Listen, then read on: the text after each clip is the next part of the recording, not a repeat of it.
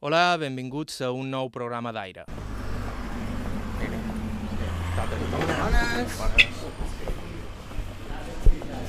Sí, hi ha televisions i coses. Si vols salim a fora... Sí, allà on tu mm? Què vol, què vol prendre? Un cafè tot sol, Si seguim aquí, per exemple... sombreta.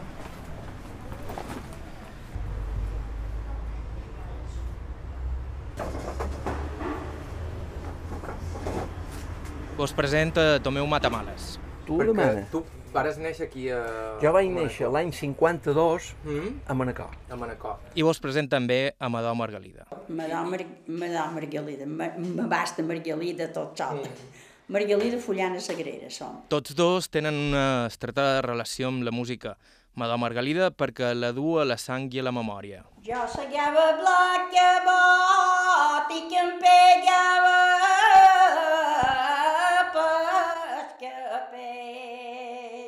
I Tomeu Matamales, per la seva banda, va formar part d'un dels grups més importants sorgits a la contrada dels anys 60.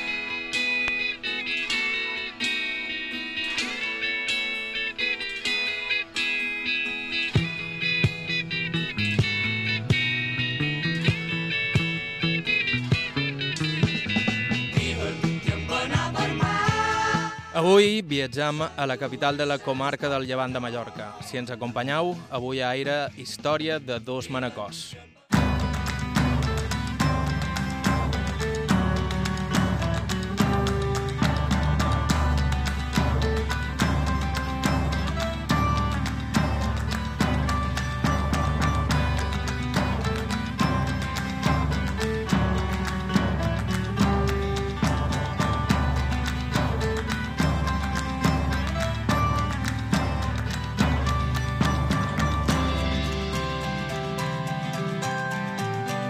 Benvinguts una setmana més a Aire. En el programa d'avui parlarem poc.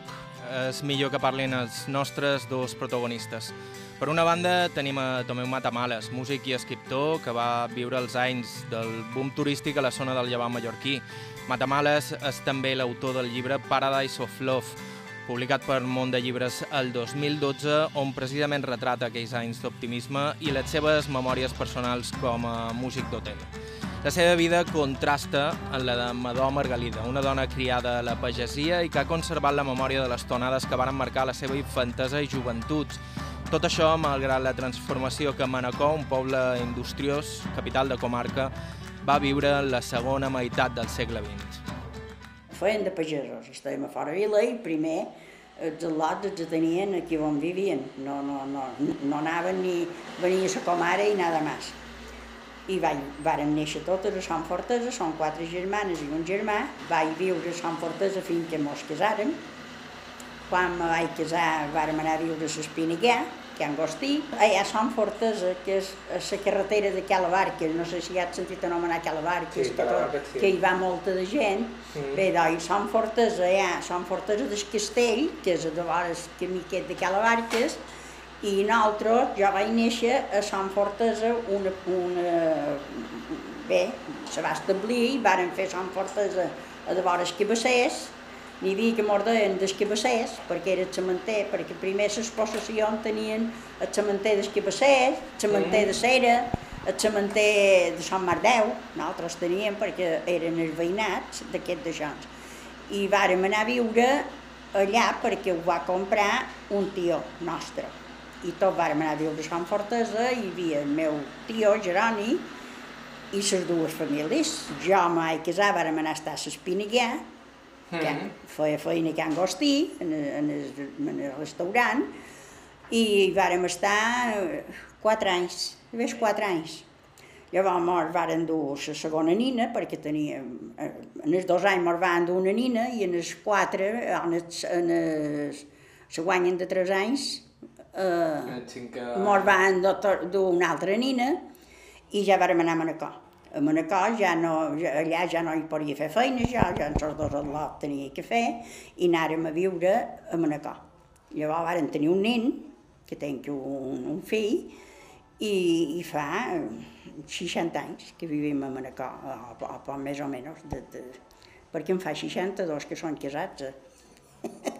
Eh? Escoltam a Tomeu Matamales. La idea que, que teníem nosaltres, sobretot en els anys 60 fins, fins quasi finals dels 70, era que els turistes que venien aquí mos salvaven l'economia, que, que en realitat era vera, i que eren tots rics, perquè tu imagina't, eh, el recurs de les monades, de les monades dèbils és quan la cosa va malament devaluar-les.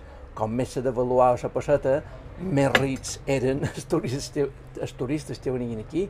I jo ara no recordo les equivalències, però quan un, quan un anglès descanviava lliures o un alemany descanviava mars, e, eren rics. Molt prest en el llevant se'n varen donar compte que era un negoci, això de, de l'hostaleria. I varen començar a, fabri a, a construir hotels. I és una cosa impressionant perquè eh, cada hivern naixien hotels allà com els quatre anys. Clar, i, i en aquell moment el concepte d'animació no existia. I se, se, el que oferien als turistes eren dos o tres vespres de ball a la setmana.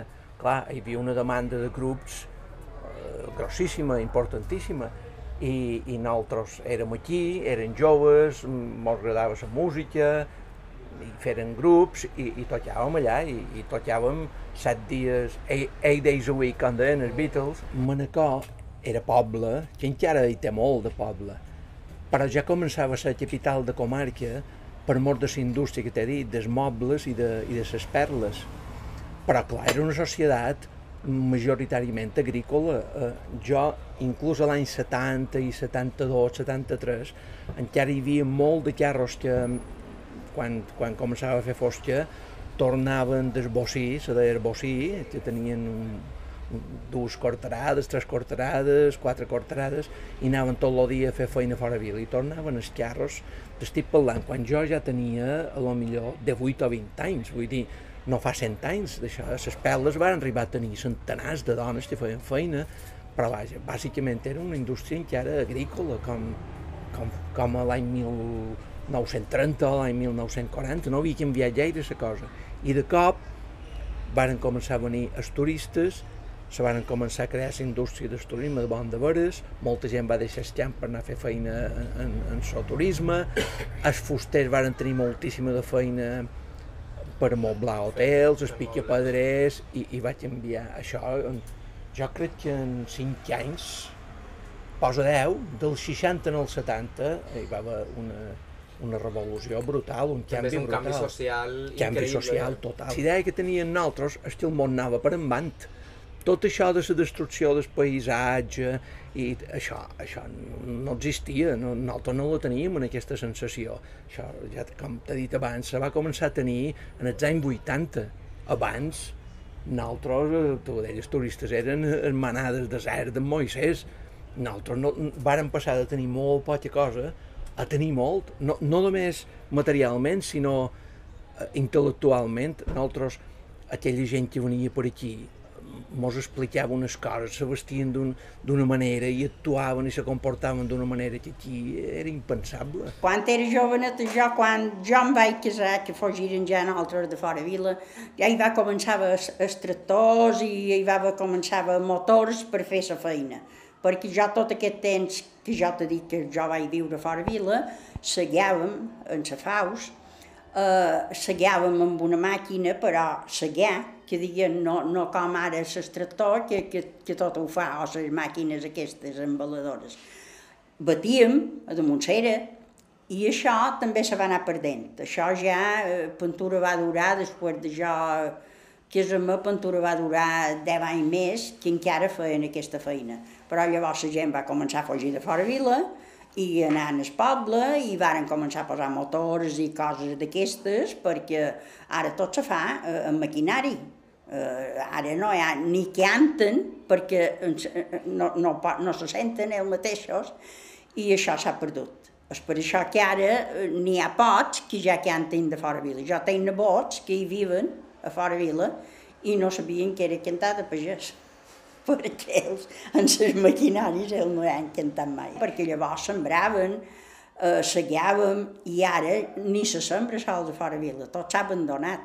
Metles, nosaltres que havíem metles, estem de metles feien balls, venien lotes de, de, de Petra, de Sant Joan, de, de Pasport, a, a, a Covimeles, a Sant Fortesa. I feien un ball cada setmana, un dia el feien a una part, un altre dia el feien a l'altra, és l'únic divertiment que teníem a Fora Vila. No, no hi havia res a Fora Vila més que això. I anàvem a missa a l'Hospitalet, anàvem a missa i, i anàvem per, per passejar, perquè era un, una hora en fora de que nostra, a peu, i anàvem a peu, però llavors aprofitaven de venir el nòvio i mos acompanyava i això era la vida de Fora Vila. I amb una paraula, la meva vida ha estat així. De fora vila, en què guardi les cançons, eh, només hi vaig estar fins a 20 anys. I un que ve un tira deu i tant sirgarba con restreta. I un que ve un tira deu i tant sirgarba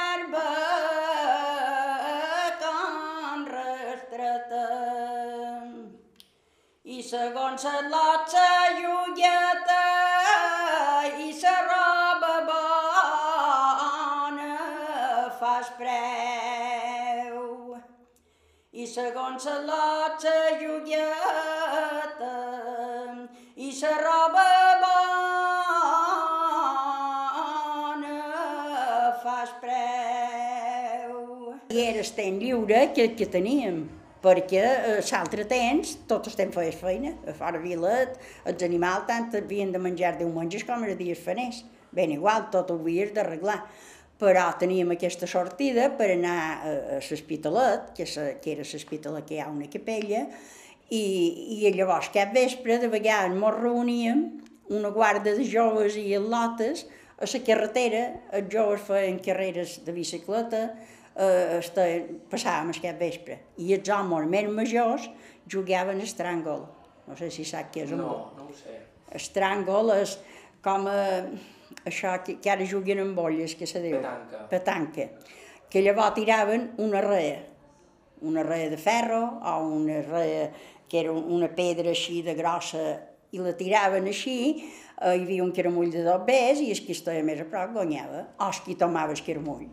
I així passàvem els cap vespres. Els darrers dies feien també balls, eh, mos mascaràvem, pe- venien els dijous jardí i el darrer dia venien joves i venien el lot, esquitxàvem i, i mos mascaraven la cara i mos ortigàvem, res tonteries que, que feien mal, com aquell que diu, "Ara, era el divertiment de fora vila. Era l'únic que nosaltres vivíem per passar gust. I a les festes, a pobles, en, a Manacor jo només hi anava, o quan hi havia circo, o si hi havia una pel·lícula molt anomenada de cantantes o això, però ni, ni, ni teatre ni, ni res, res de res d'això.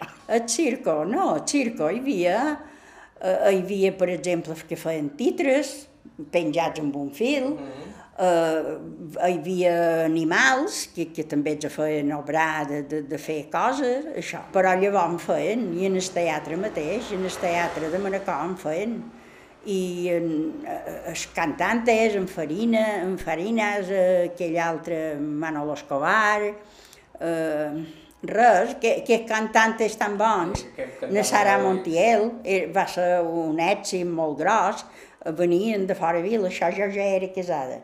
I estàvem a, fa- a l'Espiniguer, i hi havia guàrdies, i com que també feien estrapel·lo i això, de, que duien coses de la mà, vull dir, i, i duien els guàrdies a veure el teatre perquè deixassin els homes que poguessin fer Manacor també hi havia festes, per exemple, per a tots sants, feien les capelles de les cases de cases santes, que els enremallaven i la gent trescava d'una capella a l'altra, pel passeig. Anàvem en el passeig, que era eh, el carrer de, de, més principal dels pobles, a Bassa i, i el carrer de l'Anell, i per allà mos passejàvem i anàvem en tres en tres, en quatre, hi havia cocobateres, això eren les festes que hi havia a Manacor, no, tampoc no hi havia res més hi havia tres o quatre cocobateres i mos, i mos compràvem un xupa-xup, un xupa-xup o xiclets, que hi havia en aquell temps eren xiclets, i cocobets, d'aquelles barretes de terror, I, i, i això, i això també era la nostra vida de, de, de, de, de trescar, i nòvios només venien darrere, darrere, o qualcun en el costat, si, si era festejadora, Vol dir que si era una atrevida el duien al costat. Sí, i si, i si anava al mig i aquell li interessava, li deien, li deia, vol passar la vorera? Diu que me vull xerrar amb tu. I, i, i la deixaven passar la vorera perquè anàvem en filera de tres o de quatre i les del mig no els podien acompanyar. I, i si aquell estava interessat a la que anava al mig, li deia, vol passar la vorera? Diu, xerrarem un poc plegats. I, i això. Jo l'any 70, l'any 70 tenia 18 anys. Aquí, les relacions prematrimonials era una cosa ja és, no vull dir impensable, però no era freqüent ni, ni, ni prou fer-hi. Només en l'aspecte aquest sexual, aquestes al·lotes venien, que ja, ja, havia, ja prenien la píndola. Um, moltes d'elles s'havien emancipat de casa seva i vivien juntes a, a ciutats importants d'Inglaterra. Això, venien aquí, estaven inhibides, estaven de vacacions. Per elles el sexe no tenia importància que, que, que tenia per nosaltres, ni aquest sentit tre tremendista i tot això. I nosaltres, la primera impressió que teníem és aquestes dones fan el que volen i mos llaven així com volen i per nosaltres era una cosa impensable només amb aquest aspecte. I llavors, la manera d'enfrontar-se a la vida, nosaltres, una persona de 17 o 18 anys, viure tota sola, no, ni, ni ho te plantejaves. La idea de la religió que tenien, tot, tot era absolutament diferent eh, d'aquí. I llavors, amb, un, amb una influència brutal de, de la religió, encara, encara se sentia tuf de, de Siri per, per, per marcar el que diuen, i, i les parròquies tenien un, un, una influència poderosíssima damunt els joves. De fet, una de les grans, un dels grans avenços que hi va avançar el turisme és que nosaltres ens vam donar compte que, a més de, de la visió que teníem nosaltres per aquí, hi havia altres visions que eren molt diferents. I jo sempre dic que a Mallorca va entrar a Europa 10 anys abans que, que en, en els centres que no tenien turisme. Jo mateix en els grups nosaltres teníem molt de contacte, sobretot amb els guies i les guies dels hotels, que ens feien arribar eh, discos mm, que encara no havien sortit aquí, és a dir, nosaltres anàvem bastant avançats en relació a...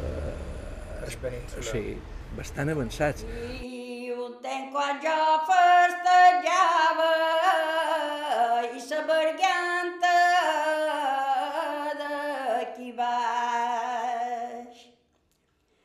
temps quan jo festejava i sa verganta d'aquí baix. I el narino em feia cas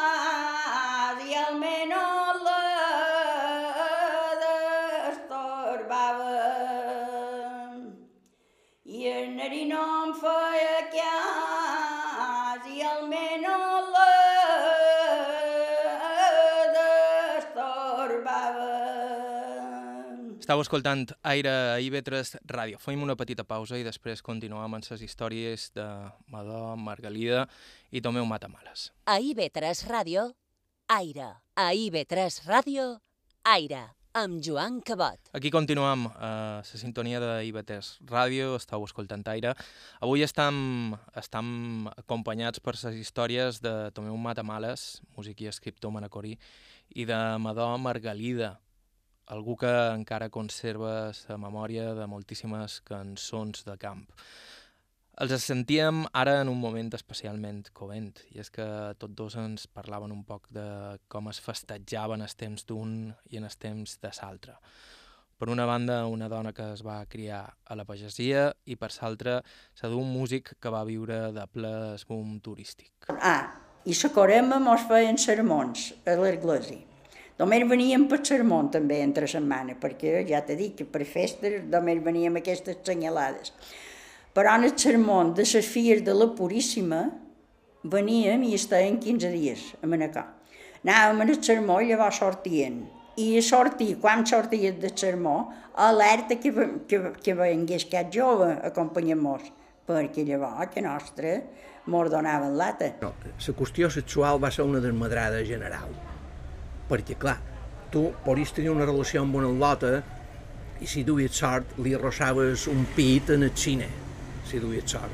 I aquestes al·lotes donaven per suposat que si tu les agradaves podíeu arribar fins a l'enfront perquè elles prenien la píndola, perquè no li donaven la importància que li donaven nosaltres i perquè estaven de vacacions. Això va ser molt mal d'entendre per nosaltres. Era un xollo, però molt mal d'entendre, no, no, no ho enteníem. I quantes drogues, si deia que la té ara de les drogues, en aquesta zona d'aquí, l'única droga que hi havia era el millor beure dos whiskies, droga, fumar, qualcú, però molt rara, qualcú fumava, qualcú per Palma ja ben entrats als 70 va provar qualque cosa més forta, però, per exemple, de sobredosi, jo no conec cap músic que morís de sobredosi, i que tingués problemes de droga, no en conec, no en conec cap.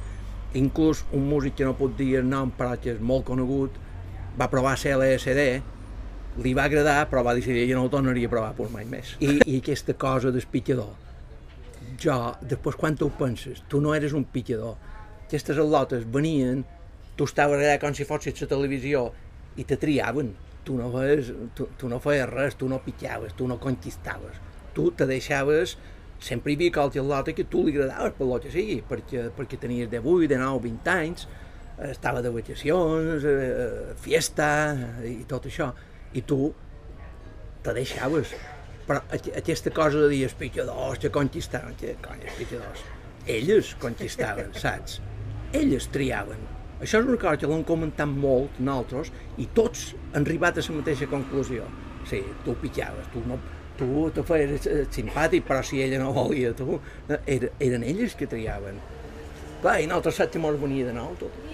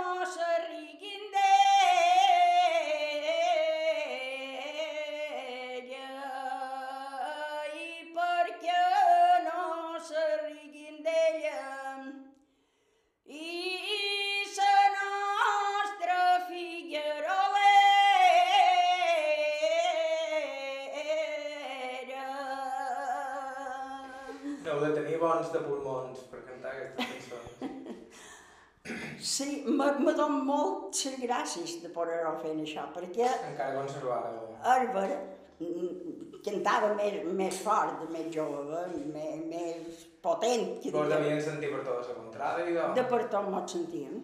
És que el veïnat de, de fora vila, sempre mon pare mos deia, lotes, perquè eren quatre germanes, vinguin lotes, xiqueu vos, que, que en Jaume de Sant Fortesa ja canta. No me suposar, era el veïnat, l'altre de, de Sant, l'altre Sant Fortesa. I llavors sortia i deia, no, i aquell també ja fan feina, també ja canten. Perquè tots mos sentien, tot l'únic que sortíem, eh, el cant aquest de fora vila s'escampava i, i senties de, de, molt de, te, de molt en fora, perquè això el veïnat de fora vila, diuen són veïnats i el més a prop es camp d'aquí la playa o més en fora. Les possessions eren grans, de 60, de, de 100 corterades, i, i la casa sempre sol estar mig de les possessions en general. I te n'anaves en el camp i te n'anaves a la Montsera, la meva germana, la major morta, cantava encara molt més fort que jo. De Sant Fortesa la sentien de l'Espinallà, que hi ha una hora de camí a peu. I nosaltres sempre érem una guarda. Mon anàvem a Seguià, érem set o vuit. Uh, mon anàvem a Coimeles, uh, a lo millor érem 20. Mon anàvem a Espedreguer, que també fora vila també anàvem a Espedreguer, a la maquiada, això, també, molts. I cantaven nosaltres amb nosaltres. Per exemple, mos contestaven, perquè vos la tonada de, de Seguer, que, que he fet dues tonades, no sé si t'ara... És perquè cantaven a davant i a darrere. Tu, tu començaves i llavors l'altre te contestava a darrere. És que anava darrere la vista. Eh, Se visti, o si seguiaves... No, a vegades millor un anava davant i l'altre darrere, però parties a cantar i l'altre te contestava. De, de, se, perquè ja diuen, un seguidor en tira 10, un, nosaltres seguidors són 10, que tot pugem amb una ona, però tenim una coloma que en trobar vol drossegeu, o que no pot arribar a peu, o una cosa així. I és perquè sempre sempre érem una guarda eh, ensenyar. Hombre, com que la feina de fora vila, que ara la fan amb màquina, la fèiem a, a mà, en les faus, i sempre havies de ser molts per segar, perquè eh, segaves un cementer de, de, de 20 o 30 cortarades. Apostes que totes les feines de fora vila tenen una tonada perquè te n'anaves a collir filles, feies, can, cantaves una cançó, una tonada, que era de la figuerolera, te n'anaves a collir meles. Les meles i les filles fas quasi la mateixa tonada. Però llavors, eh, eh, el seguir és una altra tonada, el batre és una altra tonada, el llaurar és una altra tonada. Tot és distint. A lo millor altres, que el que tu has dit, si ho fan malament no, ho- no ho coneixerem, eh, no hi donareu aquesta importància, perquè no la coneixereu en aquella, en aquella tonada. Però nosaltres ara cantarà qualsevol, de, de, nosaltres direm ara canta la tonada del seguer, o ara canta la tonada del batre.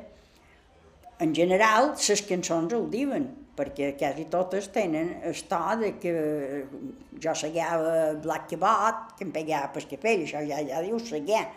Uh, el batre també diuen muletes correu, correu, fareu la paia menuda, també, també ja, ja veus que és el batre.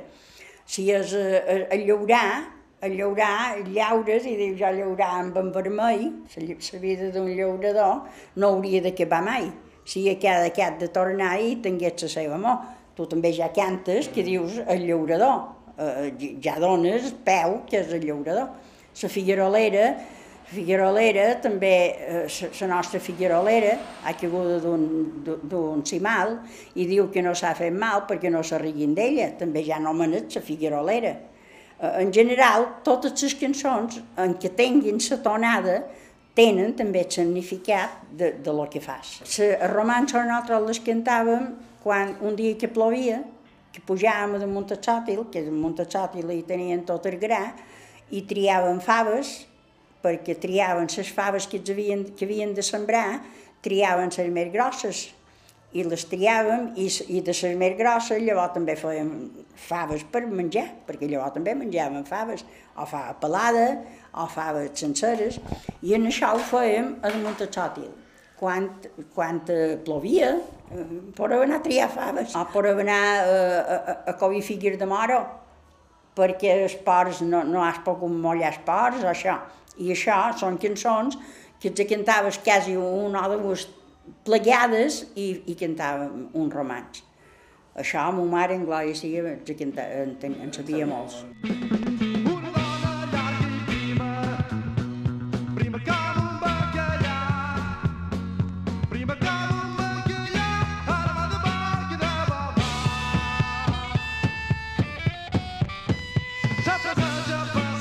Continuem endavant amb aquest relat d'avui i mon anem a l'altre costat de Manacor. A la Manacor de Tomeu Matamales, membre, juntament amb Josep Ros, Martí Gomila, Carles Gil i Bernat Morell de Amigos, una banda considerada de culte que l'any 1972 va publicar el seu únic LP. I per això dir com són les coses, quan Antoni Parera ens va proposar de gravar 11 temes del folklore mallorquí apopats o el que se deia pop folk rock, que era, això venia de costa oest, això era Crosby, Stills and Nash, Neil Young, tot això. Quan ens varen dir de gravar aquestes cançons, jo vaig pensar, me cago en dina, això hem de gravar.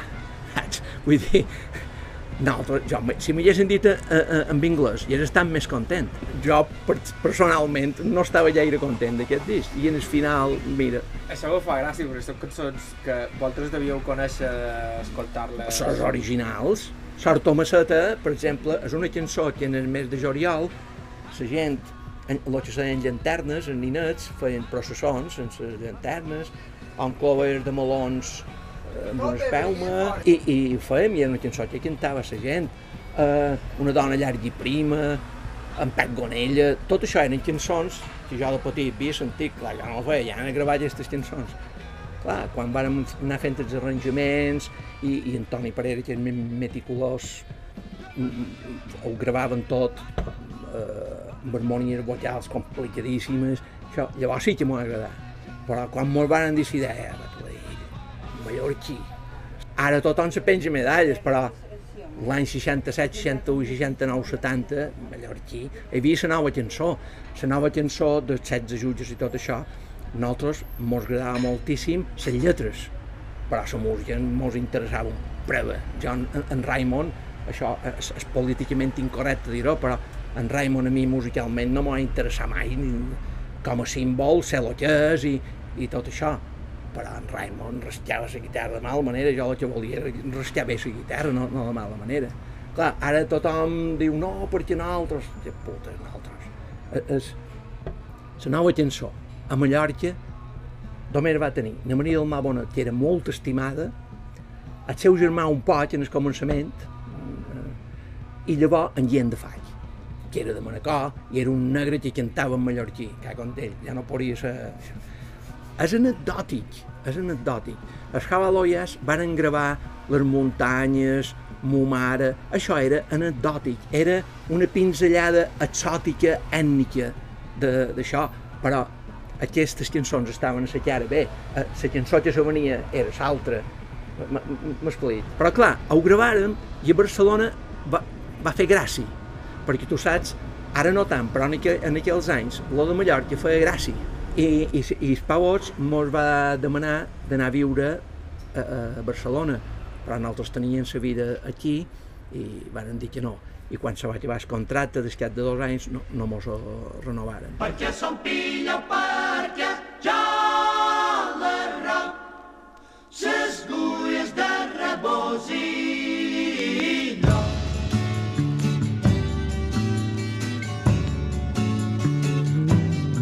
Jo me record que la primera vegada que jo vaig anar a tocar, l'any 67, potser hi havia 3, 4 hotels.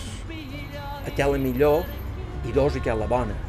És a dir, però és que llavors, del 67 en el 77, en feien no sé quants ca- ca- cada, cada hivern, perquè en l'estiu llavors, a l'estiu obrien.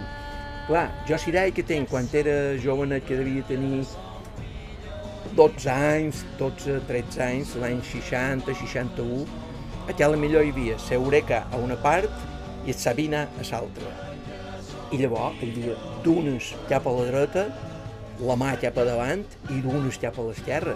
Era un paradís. Jo m'imagino que per una persona europea que venia d'una ciutat, que, que a més era una gent que, contràriament a el que t'he dit abans, no eren rica ni prou ferir. Segurament vivien eh, a zones residencials massificades de les grans ciutats, etc etc.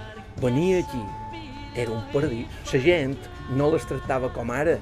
La gent eren eh, gent de Son Cervera i de Sant Llorenç que feien feina i a part ajudaven a l'hotel, anaven a fer feina a l'hotel i, i, i, i les tractaven com si fossin de la família. Era, era una cosa això. Llavors, en molt poc temps se va professionalitzar moltíssim. Però en molt poc temps, vol dir 10 anys. Vull dir que durant 10 anys jo m'imagino que els que venien aquí quedaven meravellats. Però meravellats. Jo, un, una petita anècdota.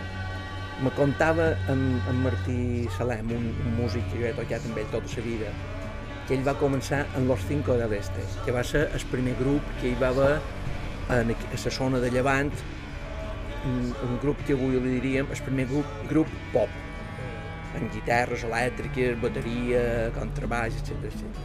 Me deia en Martí que els turistes que venien en el principi tenien diarrea perquè no estaven acostumats a beure l'aigua de, de, de la cisterna com, com bevien nosaltres. Tu, tu saps que totes les coses neixen, creixen, se reprodueixen i se moren. Llavors era el naixement, i era un, un, un naixement i un creixement ara veiem que desmesurat, però llavors no ho tenies en aquesta impressió. Llavors estaves contentíssim de veure sortir hotels com els Platasanys. Era feina i, i, i prosperitat. i modernitat. És mal d'explicar, però aquí és que no hi havia res.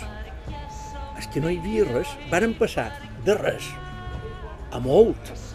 Clar, aquesta sensació va durar, ja t'ho dic, 10 o 15 anys. Llavors ja va veure que la cosa no era tan neta i que aquí, aquí mordejaven la brutó i s'enduien la ganància els altres. Però això ho descobriren quan havien passat 15 anys de tot d'una a l'altra, això no, no, no ho percebíem, no, no, no ho enteníem. I clar, això era, tu deies, que com deia, de son néixer aquí a Mallorca i tenir aquesta cosa que, tinc, que tenim. Jo ho record bàsicament agrícola, moltíssima gent feia feina fora vila i vivia de fora vila. I l'ambient que hi havia era molt, molt, molt religiós i de silenci polític. Tot Espanya estava en silenci polític.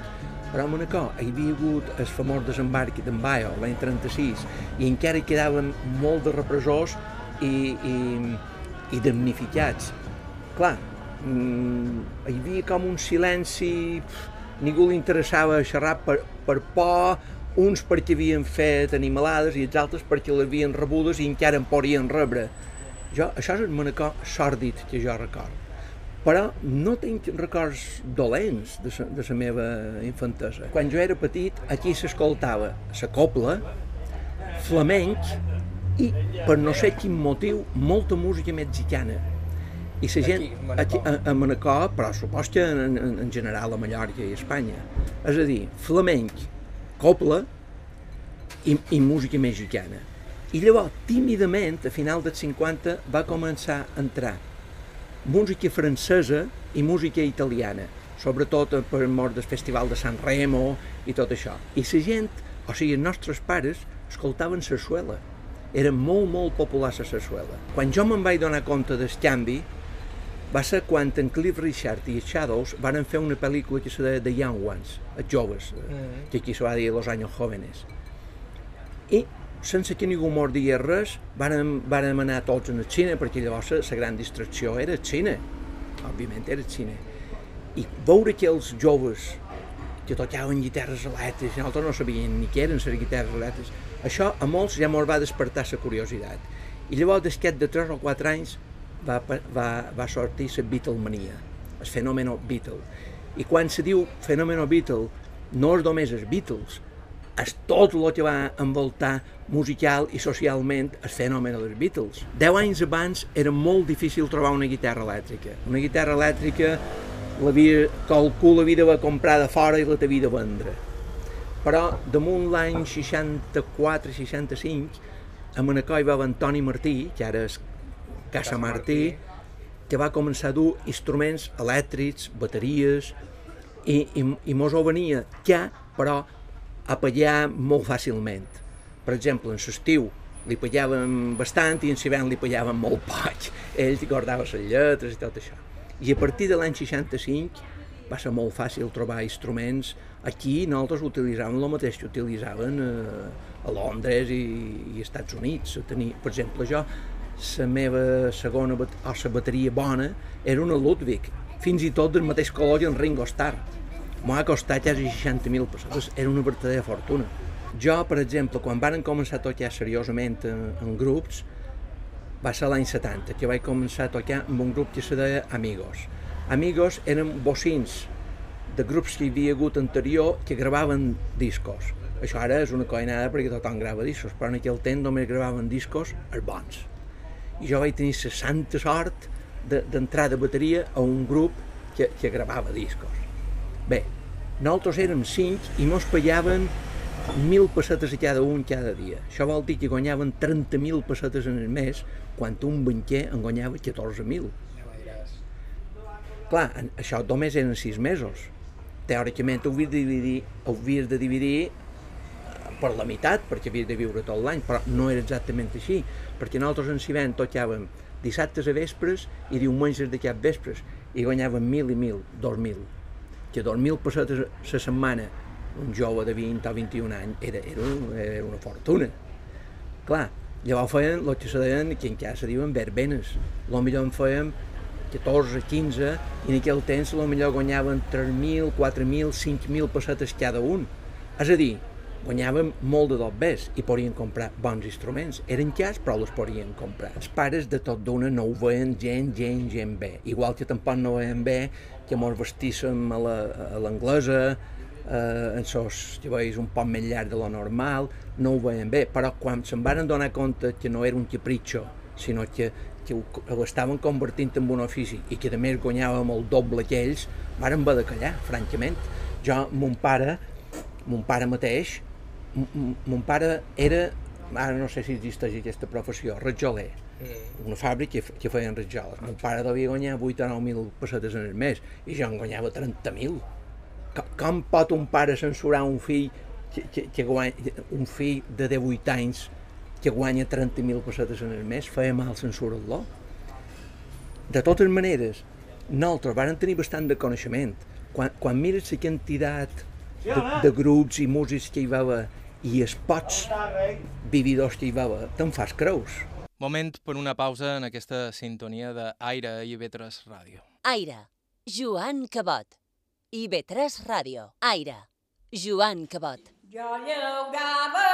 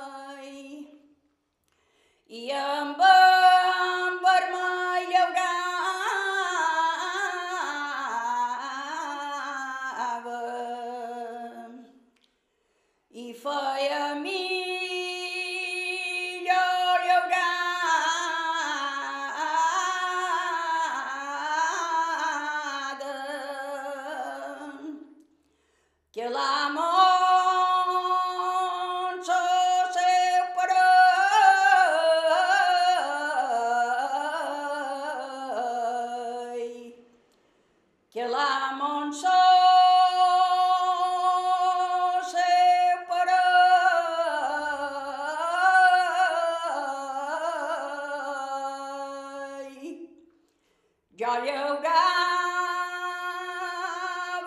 amb.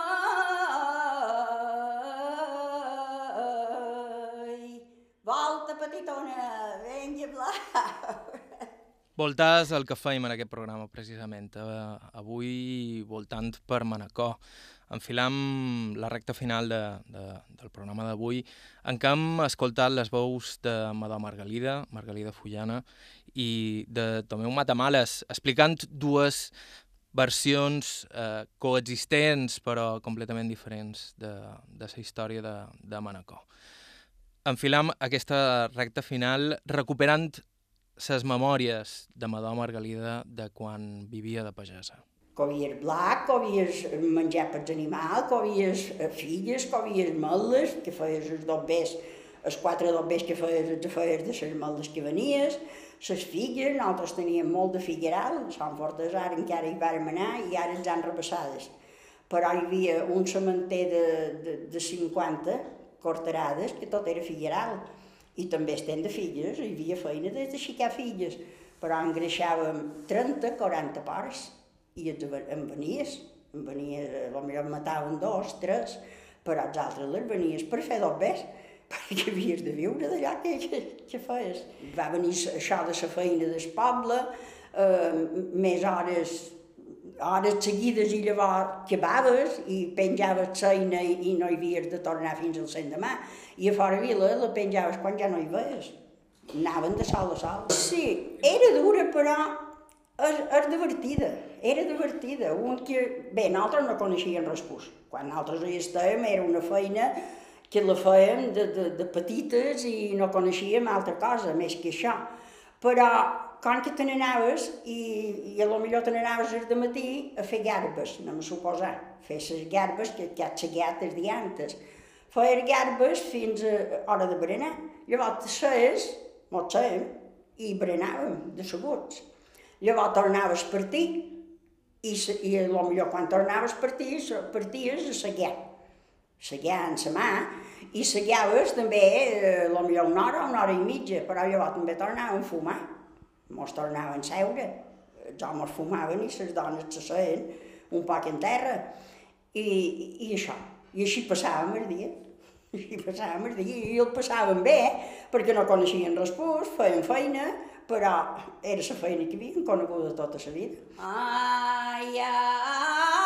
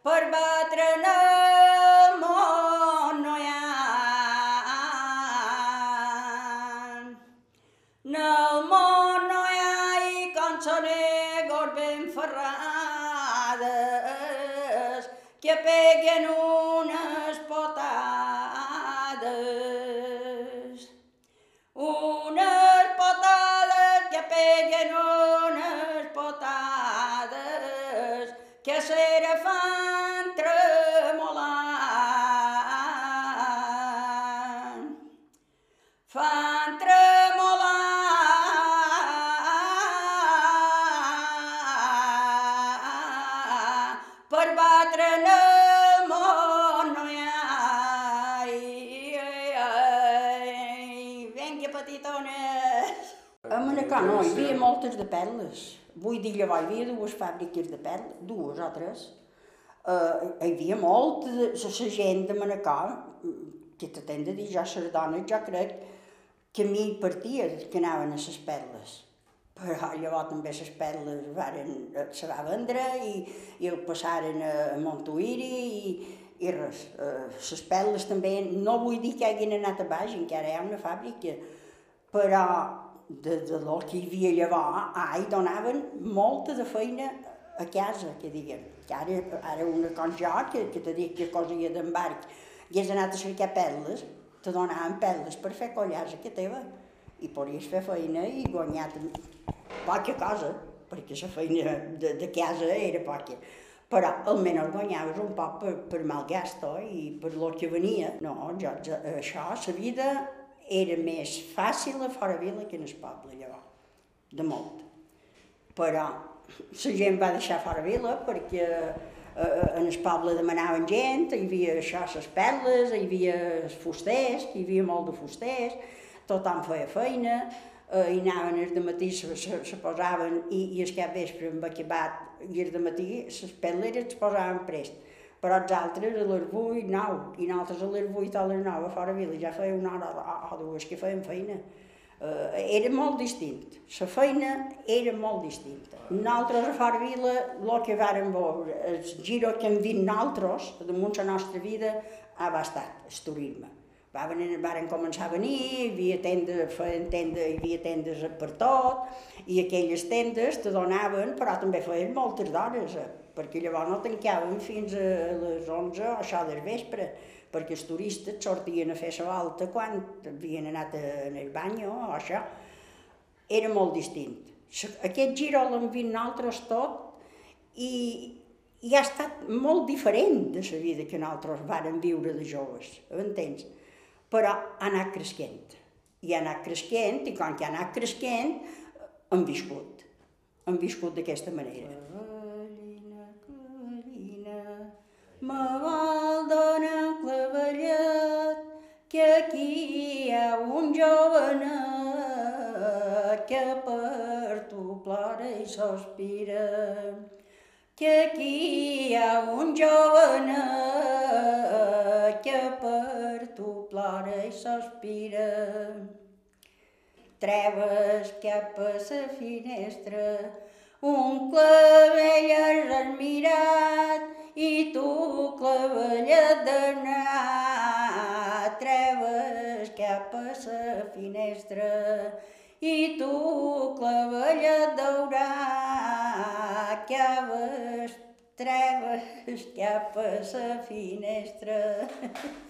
El turisme va canviar la vida de tothom, no sols a Manacor, sinó arreu de les illes, i el turisme mateix va canviar amb els anys. Va passar de ser la font d'un optimisme mai abans conegut a una indústria sospitosa. Tomeu matamales. La percepció que tenc i la informació que jo tenc és que un moment determinat que els hotelers de Mallorca s'havien d'haver associat i fer un tour operador potent per tenir ells els guanys, no ho feren. Clar, hi va haver un moment que jo no te sabria situar exactament que el que, el que realment va començar a guanyar dos bes de bon de veure va ser el tour operador. Clar, llavors també va passar que hi va haver una generació que ja no havia vist la Mallorca d'abans que ja no tenia aquesta idea idíl·lica de, del turisme i va començar a entendre que aquí venien, s'enduien els dobbers i mos deixaven la brutó. Instal·lada a Manacor, Amador Margalida va liderar durant dècades el grup de ball Així Balla Manacor i avui dia s'ha convertit en un tresor de cançons vivent. Quant a Tomeu Matamales... Vaig seguir tocant durant molts d'anys. Jo sempre he continuat tocant. El que passa és que jo, l'any 85, en els 33 anys, vaig donar per acabada la meva vida musical hotelera. Llavors vaig continuar eh, com a el que en aquell temps deia cantautor, no sé si encara això, i sense en zero èxit perquè un, can, un cantautor i de més per, vivint a la perifèria de la perifèria sí, ja me diràs tu què pot fer. I, i de totes maneres jo a la meva generació llevat de Colque Valent com que si ben era molt llarg tots teníem un altre ofici. Per exemple jo, jo he estat 35 anys delineant i ara m'ho he retirat perquè vaig complir 65 anys però durant 35 anys jo feia de, de delineant per tant la meva font d'ingressos era fer feina de delineant. I això me permetia agafar-me la música més, més com a hobby. I encara continuo. Ara jo vaig ser primer bateria i llavors guitarra i ara m'ho ha pegat la neura de la bateria. Me varen proposar tocar la bateria amb un grup, no cercava altra excusa, m'ho vaig comprar una bateria i ara toc la bateria amb un grup, Quina, quina marca t'has una, comprat? una que- que- i quasi, quasi, no és exacte, però quasi del mateix color que en Ringo Starr.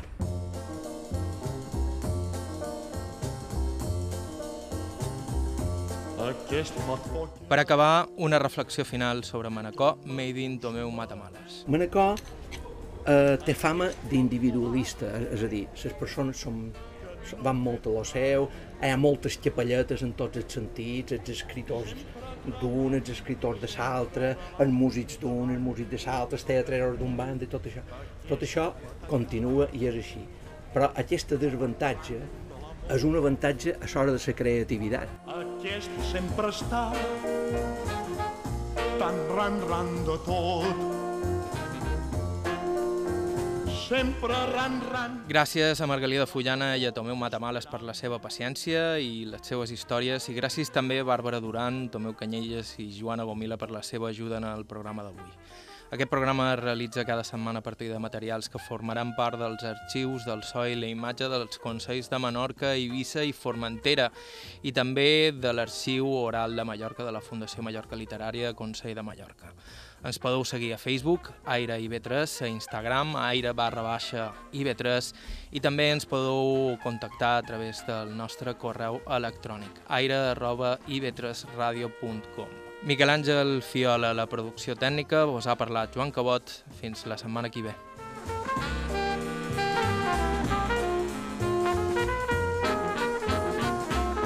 Són tantes de nits sense dormir gens. Són tants de camins, són tants de turments. Tantes de nits sense poder dormir gens.